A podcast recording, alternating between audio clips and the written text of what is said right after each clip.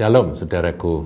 Kali ini kita akan membahas tentang perbedaan takut akan Allah, takut pada Tuhan, dan takut pada manusia. Ya, itu dua dua kutub yang yang bertolak belakang. Dikatakan di dalam Mazmur 111 ayatnya yang ke-10. Ini ayat bagus, Saudaraku, dikatakan permulaan hikmat adalah takut akan Tuhan. Semua orang yang melakukannya berakal budi yang baik. Puji-pujian kepadanya tetap untuk selama-lamanya. Jadi takut akan Tuhan itu membuat orang itu punya akal budi yang sehat dan baik. Akan membuat orang itu penuh dengan hikmat. Karena permulaan Hikmat itu adalah takut akan Tuhan. Kemudian diakhiri dengan kalimat puji-pujian kepadanya tetap untuk selama-lamanya. Jadi takut akan Tuhan itu bow down before God. Jadi sujud kepada Allah.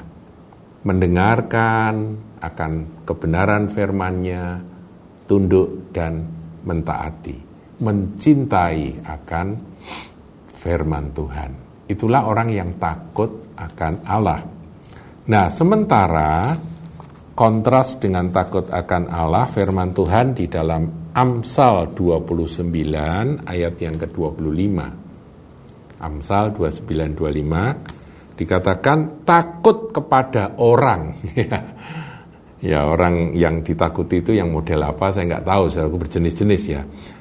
Ada takut pada orang yang model seperti ini, seperti itu, ya memang ada orang-orang menakutkan saudaraku dalam dunia ini. Takut kepada orang mendatangkan jerat, jerat, snare, saudaraku ya, jerat. Jadi orang kalau terjerat itu kan tidak bisa lepas, dia tidak bisa bebas. Dia terus dihantui dan takut pada orang yang menjerat dia itu. Tetapi siapa percaya kepada Tuhan dilindungi. Dalam terjemahan lain dikatakan diselamatkan aku akan selamat. Nah, saudaraku, takut kepada orang itu mendatangkan jerat, tapi takut kepada Tuhan justru permulaan segala hikmat dan membuat akal budi itu menjadi jernih, cemerlang ya saudaraku dan bow down before God itu pujian penyembahan naik kepada dia. Tapi takut kepada Tuhan itu terjerat terjerat. Nah, di dalam perjanjian baru Rasul Paulus eh, mengatakan kepada Timotius ya dalam surat Paulus yang kedua kepada muridnya yaitu Timotius dikatakan 2 Timotius 1 ayat 7 ini ayat terkenal saudaraku ya. Ayo kita ucapkan sama-sama. Sebab Allah memberikan kepada kita bukan roh ketakutan. Nah, di sini kita bisa pahami bukan takut akan Allah yang tidak boleh. Takut akan Allah itu justru membuat kita ini menjadi jernih pikirannya penuh dengan hikmat karena takut akan Allah itu beda dengan takut pada manusia. Takut akan Tuhan itu bukan takut dihukum, bukan takut ngeri akan akan apa kekerasan Tuhan. Enggak takut karena mengasihi Tuhan. Itu yang makna yang dimaksudkan dengan fear of God itu. Memang ada kegentaran akan Allah tapi kegentarannya itu disertai dengan rasa hormat karena kita tahu bahwa pada dia ada segala kuasa dan segala hikmat segala kebijakan tetapi sekaligus kita juga tahu di dalam dia ada segala kebaikan dan kasih karunia. Sehingga kita takut dan gentar akan semua yang ada pada Allah kita. Nah, tapi takut pada manusia seperti tadi dikatakan ya di dalam Amsal 29 ayat 25 mendatangkan jerat, saudara. Orang akan terikat. Orang tidak akan bisa merdeka, tidak akan bisa bebas. Nah, di sini Rasul Paulus di dalam 2 Timotius 1 ayat 7, Tuhan itu nggak pernah memberikan kepada kita roh yang disebut roh ketakutan. Sebab Allah memberikan kepada kita bukan roh ketakutan. Jadi kalau ada orang ngomongnya gini, Saya takut loh kalau Tuhan marah. Ini boleh ndak ya nanti Tuhan marah. Itu roh ketakutan loh saudaraku. Meskipun Tuhan alamatnya seakan-akan Tuhan. Karena Tuhan bukan Tuhan yang seperti itu. Jadi kalau ada orang Kristen membayangkan Tuhan itu adalah satu sosok yang mengerikan, yang membawa cambuk, yang siap untuk mencambuk Anda ketika Anda melakukan satu kesalahan, itu satu gambaran yang salah. Ketika Roh Kudus memenuhi kita, itu kita tidak dipenuhi dengan roh ketakutan semacam itu. Termasuk begini, roh takut ini salah, itu salah. Itu juga ketakutan, roh ketakutan, saudaraku. Bukan roh kemerdekaan. Kita ini anak-anak Tuhan, kita ini merdeka. Saya membayangkan akan anak sulung yang dalam kisah anak bungsu dan anak sulung. Anak bungsunya kan kurang ajar, saudaraku ya. Dia minta warisan sebelum waktunya, kemudian dia foya-foya, dia berbuat dosa sampai bangkrut, kan begitu ya ceritanya. Tapi saya mau mau bahas tentang si anak sulung. Anak sulung ini aku tidak melakukan sedikit pun kesalahan gitu ya. Dia beda atau sama adiknya. Jadi aku bekerja dengan keras aku bekerja dengan giat untuk ayah.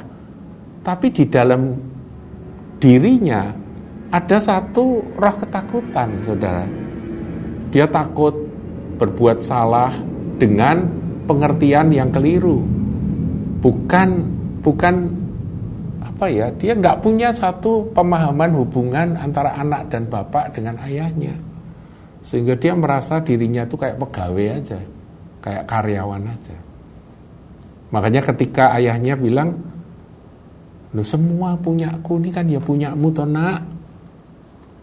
Kok kamu sampai memendam akan pengertian seperti itu? Itu salah kok tidak pernah aku diberi uh, anak kambing? Untuk aku boleh berpesta dengan kawan-kawanku. Sampai sampai ya tinggal ambil kambingnya tinggal sembelih tinggal nyate sendiri. Bapak juga senyum aja nggak masalah. Itu karena ketakutan takut salah ini takut salah itu. Saudaraku kita jadi anak Tuhan nggak boleh punya roh ketakutan. Melainkan nah ini sebaliknya dikatakan Roh yang satu membangkitkan kekuatan. Kekuatan aku ini tidak lemah, aku ini kuat. Karena aku anak Tuhan. Roh Kudus ada padaku, jadi aku ini bukan orang yang lemah, aku kuat. Nah, roh itu harus membuat kita menjadi yakin pada diri kita sendiri bahwa aku adalah anak Tuhan. Aku dikasihi oleh Tuhan. Dia adalah Bapakku. Tuhan Yesus mencintai aku.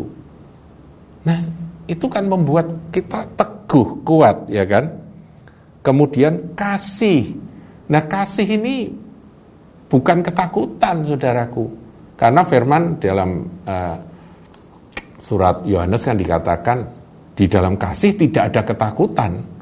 Ada kasih, kasih kasih ilahi yang memenuhi kita. Sehingga kita bergerak di dalam kasih karena roh yang Tuhan berikan itu bukan roh ketakutan tapi roh yang e, membangkitkan kekuatan, membangkitkan kasih dan ketertiban, bukan kegelisahan, bukan kekacauan tapi tertib. Itu yang Tuhan berikan pada kita. Ngerti ya saudaraku ya. Jadi uh, antara takut pada Tuhan dan takut pada manusia itu beda.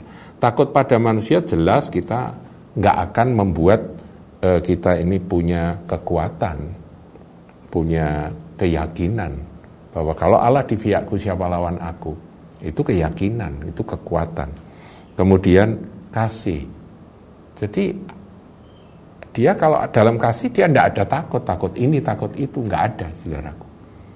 Kemudian ketertiban, dia tertib, dia teratur hidupnya.